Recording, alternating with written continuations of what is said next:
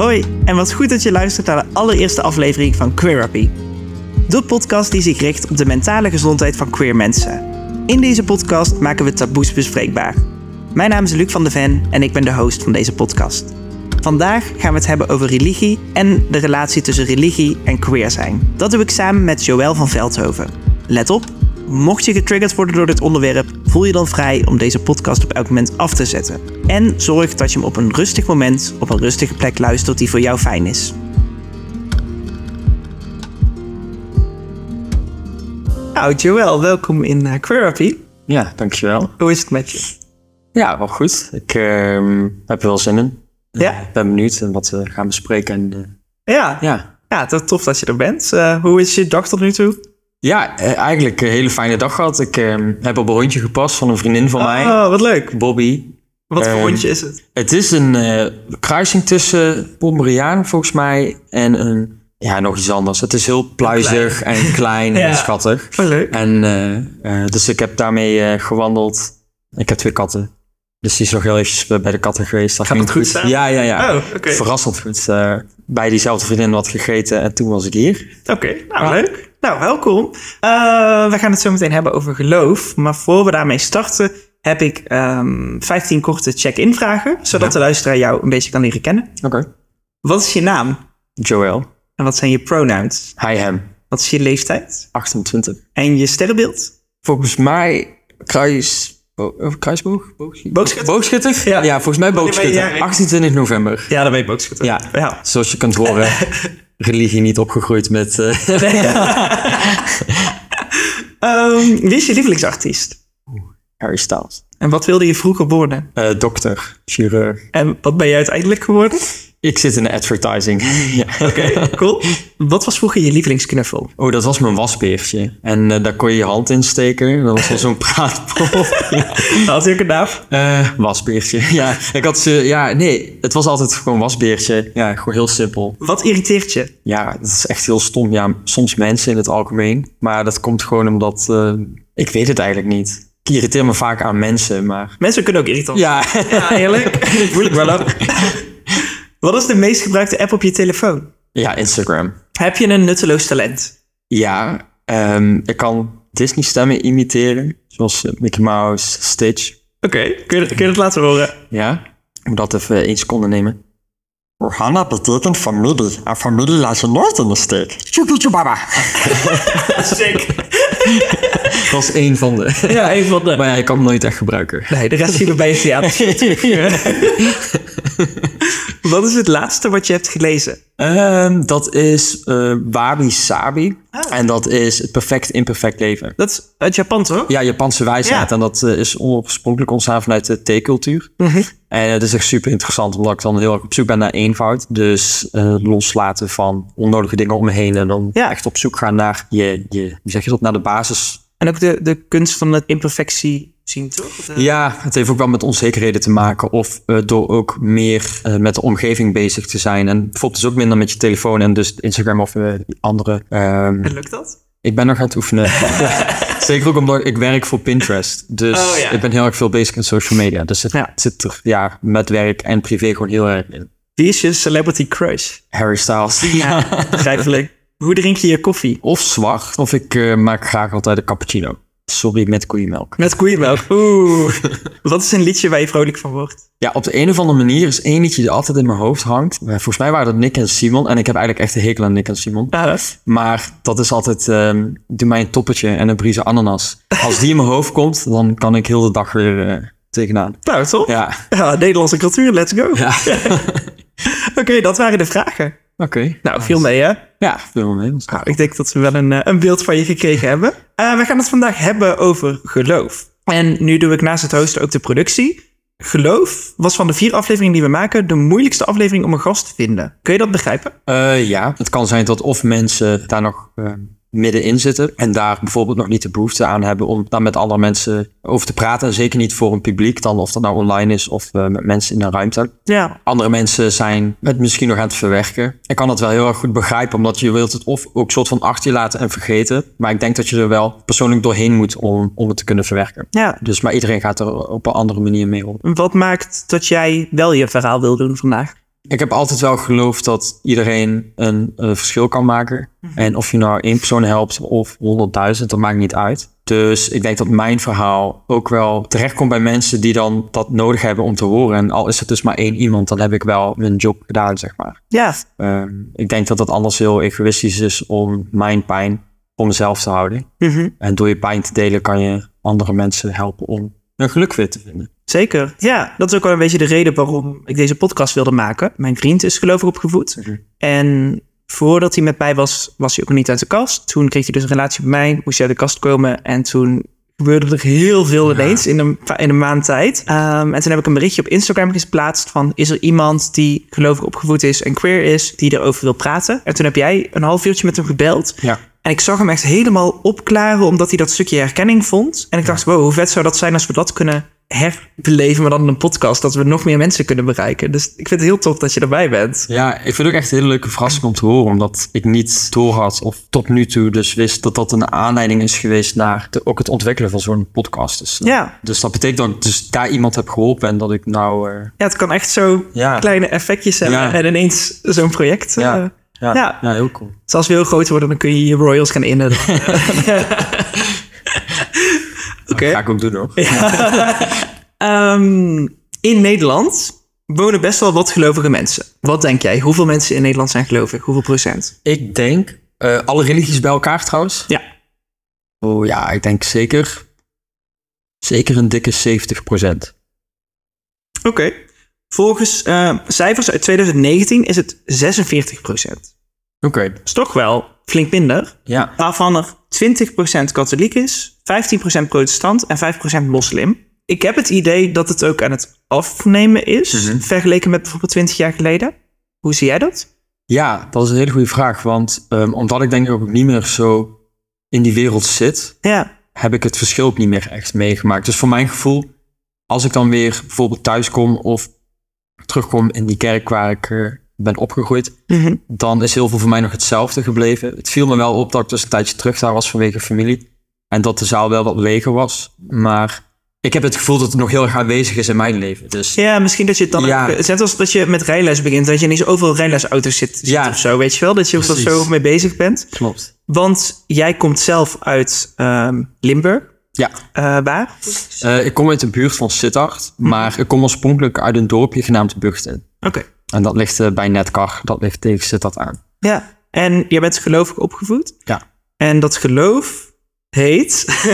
hoe, no- hoe noemen we dat? Het is een evangelische Pinkstergemeente. Oké. Dus ehm, evangelisten Ja, worden we ook wel genoemd. en voor mensen die dat nog nooit gehoord hebben, hoe zou je dat in een paar zinnen omschrijven? Ja, ik noem het dus altijd een ja, een soort van gospelkerk. Mhm. eh, Met, met witte mensen.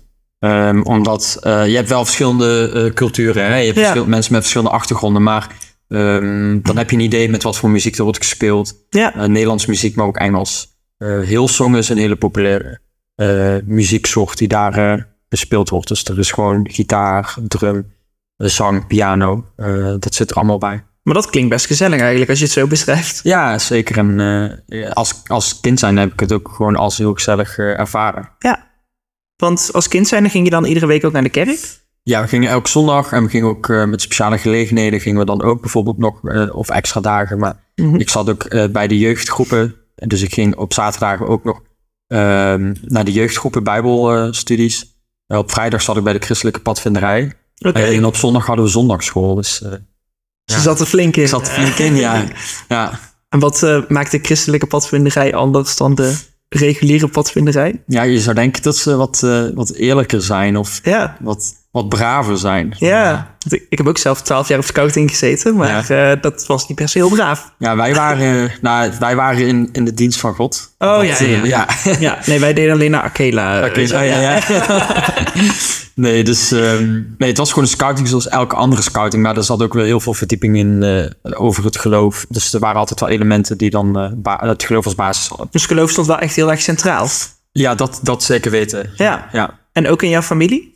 Eh, in onze familie ook, ja. Want, want mijn ouders zijn bijvoorbeeld niet gelovig eh, opgegroeid. Eh, mijn vader is gelovig geworden omdat mijn opa en oma uiteindelijk het geloof hadden gevonden. Oké. En die gingen toen naar Eindhoven naar een kerk. Die kwamen uit Weert. Hm. En mijn moeder, die kwam uit Rotterdam. Die ging met een vriendin mee naar de kerk. En die nam uiteindelijk ook haar moeder mee, die werden gelovig. En die ging naar Commons in Rotterdam. Mijn vader ging naar Commons in Limburg. Die gingen samen afspreken en zo eh, hebben ze elkaar ontmoet. De kerk. eh, Ja, Oké. Ja. Romantisch. ja. ja, eigenlijk wel. Ja. Ja, is het wel. Het klinkt, nu, nu je het er zo over hebt, klinkt het nog allemaal heel gezellig. Met gospel en liefde vinden en eh geloof omarmen. Ja. Heb je dat ook zo ervaren als kind zijnde? Ja en nee, omdat tegelijkertijd als je dan in zo'n zaal was ehm, en van de muziek kon genieten bijvoorbeeld, dus iets wat een positieve ervaring was, Ja. Was tegelijkertijd ook wel heel veel angst en heel veel schuldgevoel, omdat alles wat je deed was in jouw hoofd of wat je hoorde of wat je werd verteld toch ook niet altijd goed genoeg. Ja. Of een zonde. Of dus daar ging ik als klein jongetje naar voren in de zaal, wat iedereen kon zien. En dan werd er door iemand voor mij gebeden, want dan deed ik voor iedereen eigenlijk mijn zonde beleiden. En, En wat en was dan die zonde? Nou ja, dat kon van alles zijn. Bijvoorbeeld, je groeit dus ook op in de kerk. Dus je gaat Ja. in verschillende fasen in. Dus ehm, bijvoorbeeld, je gaat je puberteit in. Hè, je lichaam verandert. En bij ons was het wel heel erg gewoon man, vrouw, Mhm. kind krijgen. Eh, mensen trouwden vaak ook jong. Omdat je dan voor het huwelijk geen seks had. Ja. Nou ja, op een gegeven moment die hadden ook wel zin. Dus die gingen vroeg trouwen en dan konden ze het bed in duiken. Ja, Maar ja, dat klinkt heel oneerbiedig, maar zo, zo is het wel. daar komt het wel op neer. Daar Ja. komt het op neer. Dus ja, ik groeide op in een fijne omgeving. Mhm. Maar ehm, ik groeide op in een hele gesloten omgeving. Dus ik groeide wel als persoon, maar eh, ik groeide... Ik zat al snel tegen een bepaald plafond aan. Want we Ja. hadden gewoon niet bepaalde kennis. En eh, we werden heel erg klein gehouden. En Mhm. waardoor ik mezelf ook niet volledig kon ontwikkelen. Nee. En me schuldig voelde om dingen die ik deed. Ja, dingen die normaal zijn. En, eh, je groeit op, je, je gaat masturberen, je gaat eh, dingen bekijken. Of, ja, dan, En dat werd echt afgekeurd. ja, dan ging ik echt zweten. Op een gegeven moment op zondag en dan eh, wist ik dat ik eh, even naar voren moest lopen. En dan eh, was alles weer goed. Oké, dus je ging ook wel, je gaf je zonde wel toe in de kerk ook. Ja, en dan daarna voelde ik me ook altijd veel beter. Omdat ik dan het gevoel had dat ik, dat ik dan eerlijk was geweest naar God. En dan werd er voor me gebeden. En dan, dus het voelde ook alsof die zonde van jou afgleden, zeg maar. Maar dat ja, was gewoon een schuldgevoel wat aangeleerd is geweest. Ja, maar is het dan ook dat je een soort van alles kan maken, want het wordt toch wel vergeven? Of zijn er ook dingen die niet vergeven kunnen worden? Ja, dus je hebt de tien geboden. De tien Mhm. geboden zijn ontstaan dan volgens eh, de kerk eh, Ja, met Mozes. Mhm. Ehm, en eh, van je mag niet stelen, stelen, respecteer moord. je ouders. eh. Ja, precies. En eh, dat zijn dan van die dingen waar je dan, ja, hoe zeg je dat? Want dat is onom- onomkeerbaar. Ja. Ja, in principe zeggen ze wel, als jij voor je sterfbed je zonde beleidt en je kiest voor God, dan zou je in principe nog steeds vergeven kunnen worden naar de hemel gaan. Dus ik weet niet, ik vind het altijd een beetje een grijs gebied, want dan, Ja, ja. oké. Dan heb je dus die hele situatie en dan groei je ook op als queer. Ja, Hoe is dat? ja dat was eh, heel bijzonder. Ook omdat je in die periode eigenlijk niet in de gaten had dat je queer was. Ehm, Je had je- geen referentie of zo. Nee, ik had helemaal geen idolen ook. En als er iets eh, queer op tv kwam, werd gelijk gezept. Oh, echt? Ja, het was een zonde, het was onnatuurlijk, het was van de duivel. Dat werd ook echt gezegd. Dat werd ook tegen jou gezegd. Ja, of als we mannen waren het zoenen op tv, dan werd er gezept of moesten handen voor onze ogen doen. Eh, net als met enge films Ja, of eh, met horoscopen. Weet je wel, daar viel homoseksualiteit ook onder. Dat paste niet in ons wereldje, dat was voor de buitenwereld. Hmm. dus het mogen wel zijn, maar niet voor jullie of zo. Of, Ja, of eigenlijk gewoon helemaal niet. liever niet. Nee. Ehm, en dan heb ik het wel echt over toen, zeg maar. Ja. Eh, in een andere tijd, eh daar heb ik het echt over ja, jaren 90, begin 2000. Ja. Ehm, en ja, dus op een gegeven moment, ik had dan die idolen ook niet. En ehm, ik werd ook gepest op school, omdat mensen dachten dat ik dus gay was. Oké. Omdat ik had al andere interesses. Ik turnde bijvoorbeeld ook. Eh, ik deed niet voetballen. Ik was kunstzinnig, dus ik tekende veel. Ehm, ik had veel meisjesvrienden. Dus de jongens die stoten me een beetje af en je was dan, je was dan gay. Ehm, en ik had zo'n negatief beeld van homoseksualiteit dat ik dat heel erg ver ging wegdringen. Ja. Dus die werkelijkheid die ik voor mezelf aan het eh, maken was, eh, dat was heel straight. En die werkelijkheid ga je dan ook leven. En zo ga je gewoon verder. En dat, dat gaat heel lang heel goed. Op mijn zeventiende kreeg ik ook een relatie. Eh, en dat was mijn beste vriendin. En we hebben zes jaar een relatie gehad. En Zes jaar. ja, Wow. van onze zeventiende tot onze 23ste. En dan voor mijn 24ste kwam ik uit de kast. Ja, ik ben nu 28. Ja, Dat is allemaal nog niet zo lang geleden. vrij recent, ja. Dat is vrij recent. Dus Allemaal omdat ik dus eh, niet die ruimte had om. eh, en toen het uiteindelijk ook uitging met mijn eh, vriendin. Toen ging ik ook echt wel beseffen dat er ook al dingen in mijn jeugd waren. waar ik had kunnen weten dat er al iets anders was. Ja. Maar omdat je dat. Ja, het soort van trauma. Trauma kan ervoor zorgen dat je geheugenverlies krijgt. En ik heb dat echt serieus zo ver weggestopt. Dat ik echt pas later ging beseffen. toen ik dat stukje weer had vrijgemaakt in mijn gedachten, in mijn brein of zo.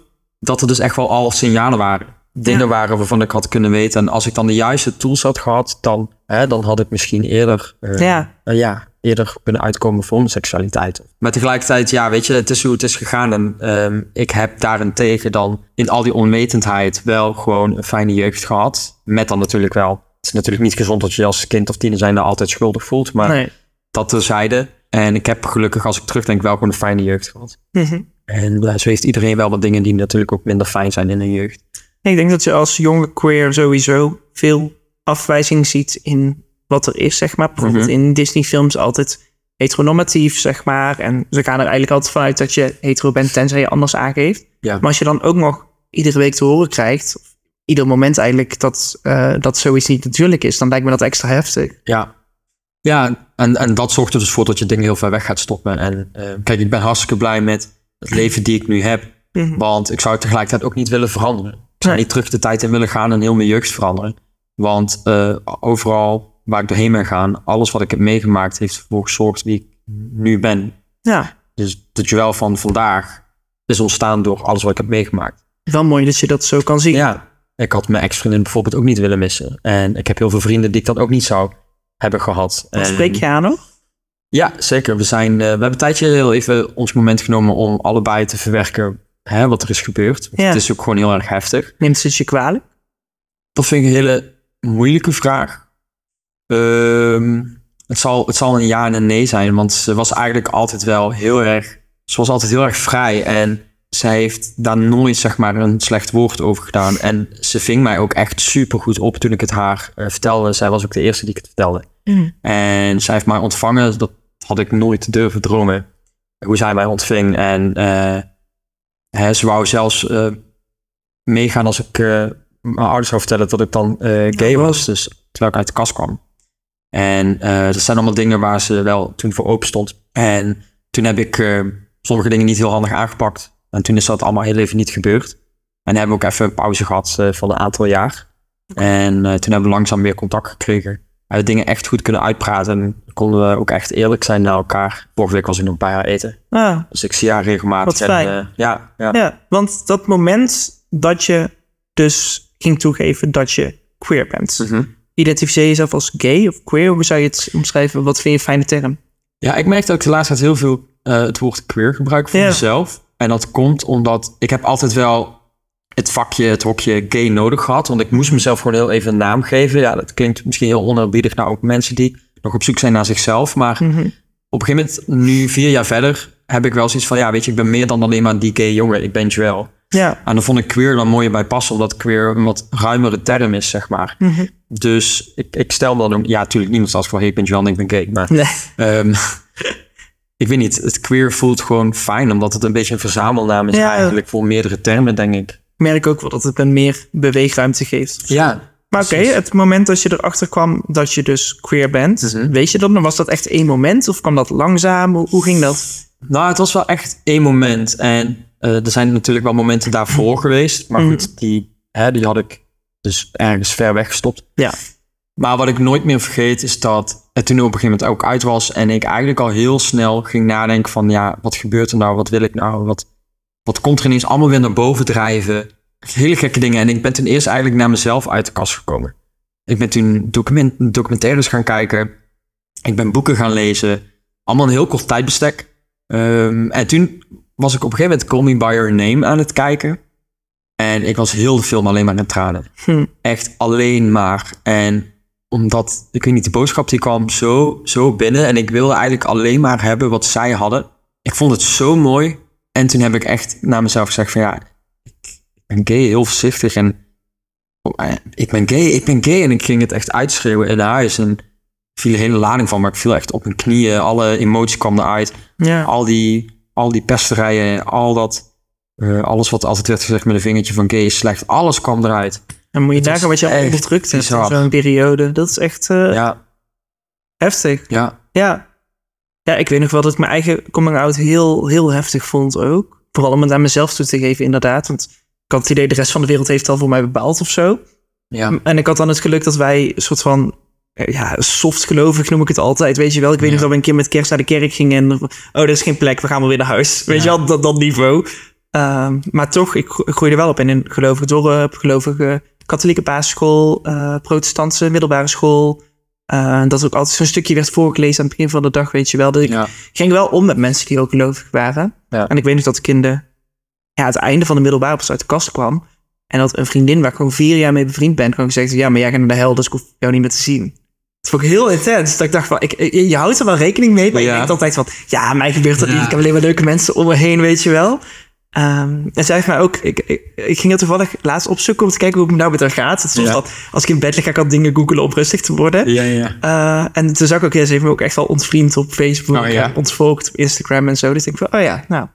Zij had inderdaad al kinderen en getrouwd. En eh, ja. Ja.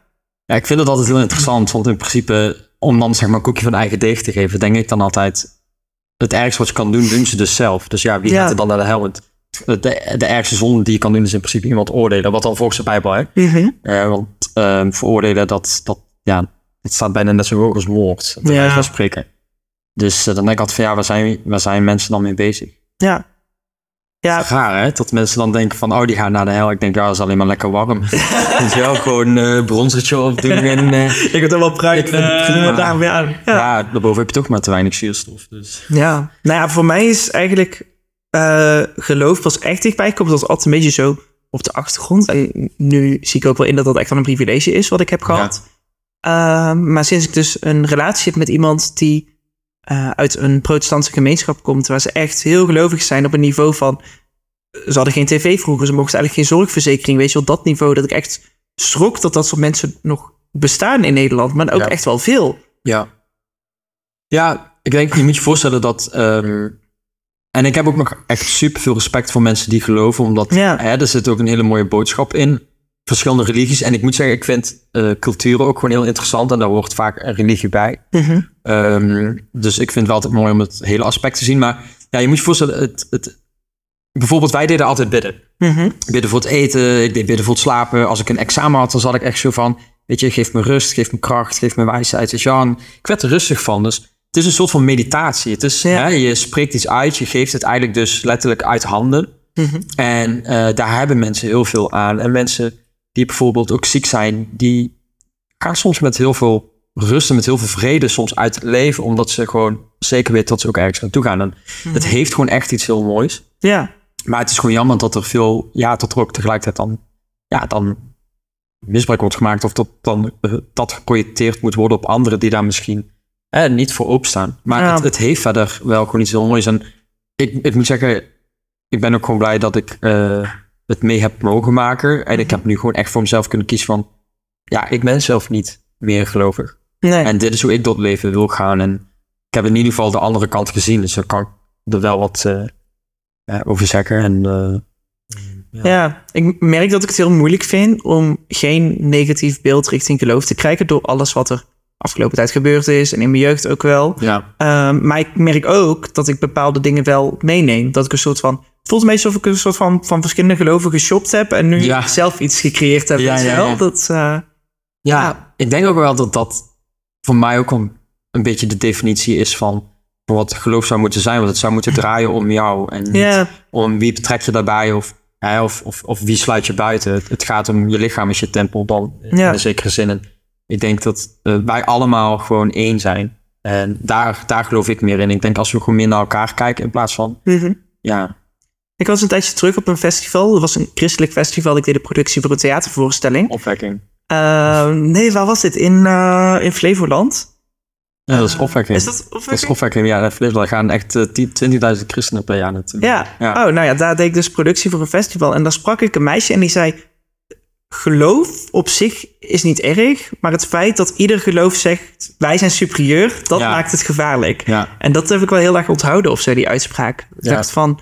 ja, dat zie ik ook wel, wel terug of zo. Want het is wel, mensen die gelovig zijn, zijn vaak van, al het geloof mag er zijn, maar wij zijn de juiste. Ja. Weet je wel? Dat, eh, ja, en dat werd bij ons thuis ook gezegd. Want als kind zijn er voor ook wel eens van, ja, maar waarom zijn wij beter dan bijvoorbeeld katholieken of gereformeerden? Of, ja. Hè, waarom zijn wij beter? Mhm. Ja, omdat wij dan de Bijbel volgen. Maar ja, snap je? Dus eh, Ja. het is wel interessant dat je het zegt. Want eh, ja, die vraag heb ik soms ook nog wel eens gesteld Ja. als kind zijnde. Ja. Ja. en dat katholiek tegen protestant was bij ons in het dorp echt een ding hoor. Ja. Mijn vader vertelde dat hij echt niet met een protestants meisje thuis mocht komen, omdat ze katholiek zijn opgevoed. Ja, dat zal wel denk ik door die, wat is dat, die beelden. Ja, katholiek is meer eh, natuurlijk ook echt met, met beelden en mooi Ja. en... eh, Bij de geschiedenis hebben de protestanten toch al die beelden stuk gemaakt en Ja. katholieke kerken afgebroken. Ja. En, eh, Ja. Dat is dan toch helemaal blijven hangen of zo, inderdaad. Ja, bizar. Maar ik merk ook dat ehm, mijn partner is dus een jaar geleden uit de kast gekomen. En dat was echt wel een big deal, zeg maar. Dat Mm. is echt eh, heel emotioneel geweest. ja. Ehm, vooral voor hem natuurlijk.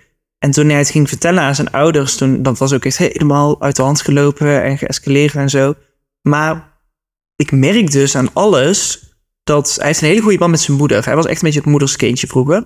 Zijn moeder wil hem heel graag accepteren, Ja. maar zij zit zo vast, want ze hebben 14 kinderen bij hem thuis. Mhm. Ehm, dus als hij zegt van, ik accepteer jou, dan zegt ze eigenlijk tegen dat hele gezin, ik laat jullie los. Dat hele dorp waar ze woont, ik laat jullie los. Ja. Dus zij zit zo vast. Dus ik neem het eigenlijk niet kwalijk. Maar ik zie dus wel, ze bedoelt het wel goed. Als wij op vakantie gaan, net voordat hij een vliegtuig ingaat, krijgt hij wel een appje van, eh, hey, goede reis. En dan wel erachteraan van, ik zal vanavond voor je bidden voor je zonde. Ah. Dus dat, ja, maar ik, Oh, echt? Ja, dus het is heel Oh. dubbel. Want aan de ene kant denk je van, oh, mm, maar Ja. ik, ik, ik neem het daar niet kwalijk of zo. Want ik zou eigenlijk moeten denken van... ja, fuck schoonfamilie, weet je wel. Ja.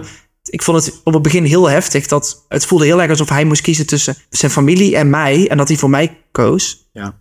Maar ik neem het ze niet kwalijk omdat zij zo vastzitten. Ja. Nou ja, en ik kan me daar wel in vinden. Ik, ik snap heel goed wat je bedoelt. En dat is wat ik uiteindelijk ook heb moeten doen. Want hè, de eerste jaren zijn ook echt niet makkelijk geweest met mijn familie. En de laatste jaar gaat het wel steeds beter. Maar ook wel omdat ik ook wat dingen heb durven uit te spreken. En ook over mijn depressie en, en dergelijke. En dus ze doen ook steeds beter hun best. Maar ze zullen natuurlijk... En ik wil ook niet dat ze hun geloof loslaten. Ik wil hun niet veranderen. Net zo min dat ik wil dat ze mij veranderen. Ja. En dat is hetzelfde denk ik als met, eh, met je vriend. Mhm. Dat hij wil zijn ouders niet per se veranderen. Net zo min dat misschien eh, jouw ouders hopelijk hem ook niet willen veranderen. Nee. Maar ja, waar, waar trek je dan die grens? Ja. Ja, ik heb ook gedacht van ja, dan ga ik, eh, dan ga ik gewoon niet meer naar mijn familie als het dan zo moet. ja. En, eh, maar ja, goed, is dat ook de oplossing? Eigenlijk ook een hele Dat- erge gedachte. Ja. Dus ik geloof ook niet altijd dat dat de oplossing uh, Maar vooral ook omdat geloof zo bedoeld is met verbinden, zeg maar. Ja. En dat het eigenlijk vooral ons uit elkaar aan het breken Ja. is of zo. Dat is heel heftig. Ja, dat is wel echt een, eh, dat was een paradox waar ik zelf ook eh, Ja. wel echt mee eh, te maken heb gehad. En, eh, en nog steeds soms. Ja, want je liet net iets vallen over een depressie. Ja. Komt dat ook daardoor? Eh, ja, zeker groot onderdeel geweest hoor, van, eh, van de depressie. Ik ben eh, eigenlijk een jaar geleden wel al begonnen. Maar ik ben een half jaar geleden heel even gestopt met werken. Mhm. Maar ik heb meerdere depressies gehad, maar eigenlijk nooit aan toegegeven. Maar dat ik wel al gewoon huilend op mijn werk kwam en zo, allemaal zulke dingen. Ehm, maar het laatste half jaar wel echt zo dusdanig dat ik ook medicatie daarvoor heb gekregen. En dat ik echt wel de tijd moest nemen om tot rust te komen. Psychologische hulp en dergelijke heb gevonden. Eh, die mij dan eh, door het proces heen helpen. En ik ben echt, echt wel pas sinds kort in de periode terechtgekomen waar het dan ook echt wel weer wat beter gaat. Dat ik dus ook hierover kan praten. Ja, En het is letterlijk, eh, letterlijk what doesn't kill you make you stronger. ja maar wat goed dat je die hulp ook gezocht hebt en dat je jezelf dat gegund hebt. Ja, het was, het- ik, ik moest wel, want ik zat zeg maar zo dusdanig diep in de put. Hm. Dat het, het waren, ik zat op het punt waar er nog maar twee keuzes waren. En toen schrok ik zo erg van mezelf. En, en toen ben ik hulp gaan zoeken. En twee keuzes. Ja, wel of niet leven. Oké, wow. eh, ja. En daar heb ik, eh, da- daar, ja, dat is echt, echt een bizarre periode geweest. Dus die kan niet geloven dat zoiets door je hoofd heen gaat. En dat heeft er gewoon mee te maken, met wat ik al zei, heel je leven heb je toch een bepaalde angst geleefd. Eh, veel teleurstellingen gehad in mijn leven, niet jezelf kunnen zijn. Ik ben twee keer door corona een baan verloren. Ik had financiële problemen. Eh, hè, familie was soms wel eens een dingetje. Ik was mezelf aan het zoeken. Er gebeurde zo erg veel. Ik had eigenlijk nooit echt stabiliteit. Of ik had nooit echt... Ik ging altijd maar door. Ik zat in een soort van automatische piloot. En op een gegeven moment was die automatische piloot gewoon op. En toen kwam ik in die depressie terecht. En daarom dat ik ook zo snel en zo diep erin zakte. Omdat ik helemaal tot de max was gegaan. Mm. Ja, dat heeft er wel voor gezorgd dat ik echt goed moest gaan reflecteren. En goed mezelf in de spiegel aan moest kijken. En, eh, en dus ook wel met hulp dan van medicatie. Maar eh, ik ben heel blij dat ik het heb gedaan. En wat ik ook al eerder zei, wil mijn leven ook niet veranderen als ik de kans had. Ik dacht ook altijd dat in de kast blijven makkelijk zou zijn. In de kast blijven zou de beste oplossing zijn. De rest van mijn leven blijf ik dan in de kast. Ehm, maar ik kan je wel vertellen dat eh, nu ik echt mezelf kan zijn, ik er echt achter ben gekomen dat dat de manier is. Ja? Eh, En waaraan merk je dat? nou, je, je vreet jezelf letterlijk van binnen op. Als je niet jezelf kan zijn, dan sterft er gewoon steeds langzaam een stukje van jezelf af. Dus ook dusdanig dat hè, er niks meer overblijft. Zo voelde het voor mij dan, hè? want ik ken ook mensen die op hun negentigste pas uit de kast komen. En fantastisch dat ze dat dan nog steeds doen. Dus, en ook diep respect dat zij dan nog op zo'n leeftijd komen en, ehm, en dat dan toch nog mee mogen maken ehm, om hunzelf te zijn. Maar ik kon me dat niet voorstellen op een gegeven moment. En toen ben ik maar uit de kast gekomen. En dat is ook iets wat ik tegen mijn ouders zei. Van ja, denk je dat ik dit voor mijn plezier doe? ik, kies, ik kies er niet voor. Ik moet het doen, want anders is er niks meer te kiezen. Als je de keuze zou hebben, hetero of homo? Ja, sowieso homo. Ja. ja, zeker. Ja, man, ik... boah, nee, ja, ik hou van mannen. dus, eh, ja. Nee, nee, ik zou niet meer willen... Nee, deze wereld voor me open gaan. Ja, Als het eenmaal... het, het maakt het allemaal wat ingewikkelder. Nou, tenminste, het, homo zijn is niet ingewikkeld. De maatschappij maakt het ingewikkeld. Ik bedoel, Precies, want Dat- kijk, als jij zeg maar... Stel je voor, je bent gewoon homo, je bent jezelf en er is niks aan de hand. Mhm. Er loopt iemand langs en die zegt... hey, vieze homo, daar staat het probleem. ja, Want jij doet je eigen ding, je loopt Ja. over straat en er is niks aan de hand. Maar iemand anders, Mhm. die maakt er probleem van. Dus als andere mensen... ehm, ik zei laatst, we moeten minder naar elkaar kijken en elkaar meer gaan zien. Minder kijken naar wat mij niet aanstaat in jou, maar wel meer gaan zien voor de persoon, de mens die eh, jij bent. ja, Meer zien naar wat de kwaliteit zijn of wat iemand te brengen heeft in deze wereld. En niet gaan kijken naar, oh, met dit vind ik slecht of daar ben ik niet mee eens. nee. Minder naar elkaar kijken. Of zei ik, zei ik het andersom? Nee, ik zei het andersom. ja. het is, Is dat er zo in? Ik hoor het niet eens meer. Wacht, we moeten elkaar meer gaan zien en minder naar elkaar gaan kijken. Meer gaan zien voor de persoon wie je bent. Minder gaan kijken naar de dingen die niet aanstaan Ja. aan die persoon. Dat je niet begrijpt. Ja, ja, en ik neem mezelf dat ook wel kwalijk, zeg maar. Dat, ik, had, ik had een periode ik dacht van... alle hetero mannen zijn kut. Maar dan doe ik eigenlijk hetzelfde. Ja. Maar dat komt ook door, door wat ik allemaal meegemaakt heb. Ik denk, ja, maar dat is net zo stereotyperend als eh, wat er bij mij gebeurt. Dus nu probeer ik ook wel met de dingen die ik doe... niet alleen een soort queer eilandje te creëren... maar ook een soort van bruggen te bouwen van... hé, hey, je bent ook welkom. Nee, en daar ben ik het helemaal mee eens. Want ik zie dat nu ook bijvoorbeeld gebeuren dan binnen de queer community. Dat we eh, dan bijvoorbeeld zelf ook eh, mensen misschien gaan buitensluiten. En, Ja. hè, ik, er zijn ook dingen waar ik het zelf nou niet mee eens ben. Ik heb in de afgelopen vier jaar heel veel geleerd over, over dit soort onderwerpen. En ik heb daar zelf nu een mening over mogen vormen. En, en die heb ik ook. Ja, En kijk, ik heb, zie dat zo, heel de wereld, heel de, het binaire systeem zoals we het kennen, al vanaf het begin, heeft altijd in een spotlight gestaan. Dus dit is een podium, staan in een spotlight. Mhm. Die spotlight is nu gedeeld met de queer community. En je ziet wel dat eigenlijk bij als queer mensen willen heel graag die spotlight eigenlijk nu heel even helemaal op ons hebben. Waardoor je dus ook weer een groep buitensluit. Maar ja. het is gewoon zo geweest dat in de geschiedenis die groep altijd aandacht heeft gehad. We delen nu die spotlight, maar dan is het ook goed. ja, Want we zijn onderdeel van een gemeenschap. En als je zelf weer gaat a- ehm, afzonderen van zo'n gemeenschap, dan ga je natuurlijk nooit verder komen. nee. En dat is hoe ik erover denk. En daar is niet iedereen het mee eens. Maar Nou, maar ik denk dat het goed is om je daar wel bewust van te zijn. Dat Ja. we niet een soort van hetzelfde gaan doen. ja. Ik had het net al even over dat je een beetje gaat shoppen van verschillende geloven of zo. Ja. Ik merk dat ik daar heel erg behoefte aan heb om een soort van iets irrit- irrationeels te hebben. Mhm. Eh, omdat het leven gewoon soms best wel zwaar is en best wel depressed kan zijn. Eh, en dat ik dan toch op zoek ben naar iets meer dan dat. ja. Nu ehm viel me altijd al op dat mijn opa ging als enige van de familie nooit mee naar de kerk. En toen op een gegeven moment had ik het daar met hem over. En mijn opa is echt de, de slimste persoon die ik ken. We noemen hem altijd Wikipedia. Ja. Ehm, en toen zei hij van ja, ik heb geloof gewoon helemaal losgelaten. Uh, ik ben op mijn eigen manier gaan geloven. En mijn opa heeft een soort van, die heeft zo'n beetje heel zijn leven gestudeerd. En elke keer ook zo'n periode.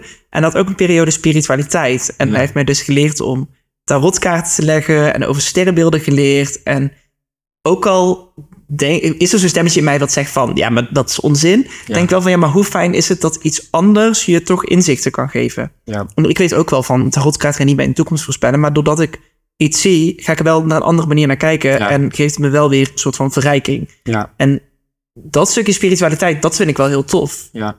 Ik, ik geloof ook wel dat dat inderdaad iets is waar je naar op zoek bent. Of. Want we zijn eigenlijk altijd wel naar iets op zoek. Ja, En in principe de mens... We zijn ook gewend om soms dingen uit hand te kunnen geven. We groeien natuurlijk op met ouders en dingen worden voor ons gedaan. Mhm. En ik denk soms ook dan in een, wat je zegt, in een wereld die niet altijd heel erg mooi is, wil je soms ook dingen los kunnen laten. Dus ook door middel misschien dan van die kaarten of door je eigen religie te creëren, Mhm. vind je nog steeds wel een manier om dingen los te kunnen laten. Of, en die tarotkaarten zijn in principe ook gewoon een soort van, ja, eh, niet stom bedoeld, maar het is soms ook gewoon een kansspel. Want je weet natuurlijk niet wat omhoog komt. ja, En dan inderdaad zo'n woord of zo'n afbeelding zet je dan aan het denken. ja. ja. Of je daar heel diep in zit of je, om welke reden je daar ook zeg maar mee bezig bent Mhm.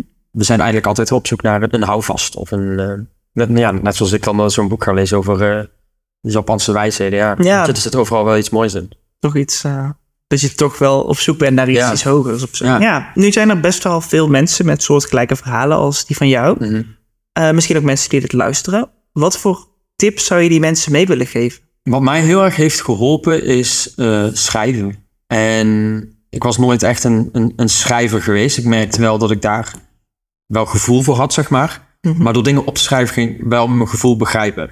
Ja. Dus gewoon pen op papier, 10 minuten schrijven zonder na te denken. Eigenlijk een soort van freeride. Ga er niet over nadenken, maar dus echt letterlijk je gedachten opschrijven. Ja. En daar kan je weer dingetjes uithalen. En dan ga je soms dingen zien waar je zelf nog niet over na hebt gedacht. En, en los daarvan wil je het samen met iemand doen. Dan is praten ook gewoon heel erg goed. Mhm. Eerlijk zijn. Eerlijk zijn naar jezelf. Want weet je, je bent lang genoeg niet eerlijk geweest naar jezelf. En ik denk dat je jezelf gewoon op de eerste plaats moet gaan zetten. Hè, ehm, mensen zoals ik, zoals wij, of hè, die door eh, zoiets heen gaan, die zijn, staan op de tweede plaats. Die zijn gewend om hun eigen gevoelens opzij te zetten voor een ander. Of voor een andermans religie of eh, ideologie of whatever. Ehm, zet jezelf op de eerste plaats. En ga dan kijken wat jij nodig hebt en niet wat de ander nodig heeft. En van daaruit eh, kan je groeien. Ja. Nu kan ik me ook voorstellen dat er dus mensen zoals ik zijn, die iemand in hun omgeving hebben, een dierbare, waarbij ze zien dat dit gebeurt. Ja. Heb je tips voor mensen in die situatie? Ja, eigenlijk precies wat, eh, wat Jan heeft gedaan, eh, wat jouw vriend heeft gedaan. Ehm, de vraag stellen, inderdaad. En eh, hij kwam zelf niet direct bij mij terecht, maar via jou. Dus Mhm. iemand anders kan die vraag stellen. Maar je kan ook naar van die praatgroep gaan, queer groepen. Mhm. Maar ja, het klinkt altijd wel makkelijker dan dat het is. Ja. Maar als je de stap eenmaal hebt gezet, dan gaat er echt wel een, eh, een wereld voor je open. ja, je moet het ook niet opdringen, denk ik, maar Nee. aanbieden of zo, dat de optie er is, Ja, zoiets. nou, ik denk dat dat heel mooi is wat je zegt. Ja, Omdat het kan natuurlijk ook eh averechts werken. ja, Als je iemand inderdaad gaat opdwingen om eh, dus inderdaad een veilig ehm, omgeving aanbieden. ja, Laat zien dat het er is. Maar de persoon moet uiteindelijk zelf wel de keuze maken. Want dan is het ook het meest oprecht. En dan is iemand er ook klaar voor. ja. En het is ook niet erg als je er nog niet klaar voor bent. Weet je? Dan, maar zorg er wel voor dat je eh, niet alleen bent ja. met bepaalde gedachten. Hè? Denk je van, oh, dit gaat wel echt ineens helemaal de andere kant op. Ja, dan zou ik wel echt willen adviseren om, eh, om in ieder geval iemand die het dikste bij je staat te informeren. Ik had hem net nog even gebeld eh, om te vragen van... hey, we gaan het hierover hebben. Wat mag ik delen? Wat vind je oké? En hij zei, ja, vooral ook de positieve kant belichten. Want het heeft mij heel veel gebracht sinds ik Ja. mezelf ben. Heb ik mensen leren kennen die me accepteren zoals ik zelf ben. En ja, nu word ik emotioneel. Ja. Maar hij gaf ook aan van... ja, ik ben gewoon nog nooit zo gelukkig geweest. En dat vind ik wel echt een, Ja. ja. een mega groot compliment. Ah. Ja. Nee, ja. Ja, dat is, dat, is, dat is waar je het voor doet. Sorry dat ik nou ineens stotter, maar dat is waar je het voor doet. Dat is waar je het voor doet, omdat je wilt gewoon jezelf kunnen zijn. En dan moet je dus nagaan dat eh, door met één iemand te praten, dan een deurtje open gaat. Je gaat met meer mensen praten. Je gaat, je gaat mensen zien die hetzelfde zijn. Of mensen zien die anders zijn, maar waar je van kan leren. Je, je wordt zo ruimdenkend. Je, je, het voelt zo warm. Het voelt... Want eerlijk, er is alleen maar liefde in eh, de queer community. Ja. En, want niemand die elkaar buitensluit of eh, raar aankijkt of, of veroordeelt. Ik bedoel, we zijn met zoveel verschillende mensen nu. Mhm. We zijn met zoveel eh, soorten genders en seksualiteiten. En het is één grote warme bubbel. Ja. Ik bedoel, we, we doen geen vlieg kwaad. Dus ik kan me heel erg voorstellen dat ook je vriend zich zo vrij voelt. Omdat hij dan zichzelf kan zijn. Ja. Ik, het heeft mij ook heel veel gebracht om uit de kast te komen. Ik heb echt... Nu heb ik zulke leuke mensen om me heen. eh, Ja. En ook mensen die gewoon meegaan in die gekke ideeën. Ik heb een, een fantastische groep tracks om me heen... waar we gewoon echt mensen naar de meest saaie events kunnen gaan... en gewoon hele leuke dingen kunnen Ja. zien en dingen kunnen uitlachen. En ik heb een fantastische crew gevonden hier met allemaal leuke mensen... die, die dit dan, deze verhalen willen vertellen... en dat zou ik niet gehad hebben als ik niet uit de kast was gekomen, Ja. inderdaad. Ja, daar ben ik denk ik wel heel dankbaar voor. Ja. Eh, Ja, ik eh, wil je heel erg bedanken voor je komst en voor je openheid. Ja, ik, eh, ik vond het echt super tof om hier te zijn. Ja, En eh, ik ben blij dat ik dan dit mocht doen. ja lucht het op om je verhaal zo te doen? Of hoe, hoe voel, voel Ja. je? Ja, het lucht wel op. Maar ook wat ik zei, praten helpt. Omdat als je zelf voelt praten, je komt zelf ook weer tot bepaalde Ja, gedachten of eh, hè, sommige dingen, besefmomenten die je misschien eerder nog niet had. Dus voor mij is het ook altijd weer een stukje naar groei. Ja, Dus deze gaat gewoon lekker eh, in het rugzakje. Dat, dat andere mooi. rugzakje die is weg. ja. Althans. hè? ja die, die, die, die hoef je niet altijd mee te nemen. Nee, precies. Ja, Dus maar de pluizige roze tas, zeg maar, daar gaat hij in. eh, ja. mooi. Ja. Nou, dankjewel. ja, jullie bedankt. Dit was de eerste aflevering van Queerapy. Deze aflevering werd gemaakt door Sascha Bogaars, Aline Ars, Joachim Westra, Isa Hoendervangers en Luc van der Ven. En deze aflevering wordt mede mogelijk gemaakt door Cultuur Eindhoven en Jong Cultuur. Wil je meer weten over Queerapy? Volg ons dan op Instagram op @queerapy of stuur ons een DM en praat met ons verder. Volgende keer gaan we het hebben over genderidentiteit. Dat doe ik samen met Jelaya Tjada van Gorkum. En remember, no fear, be queer. Tot de volgende!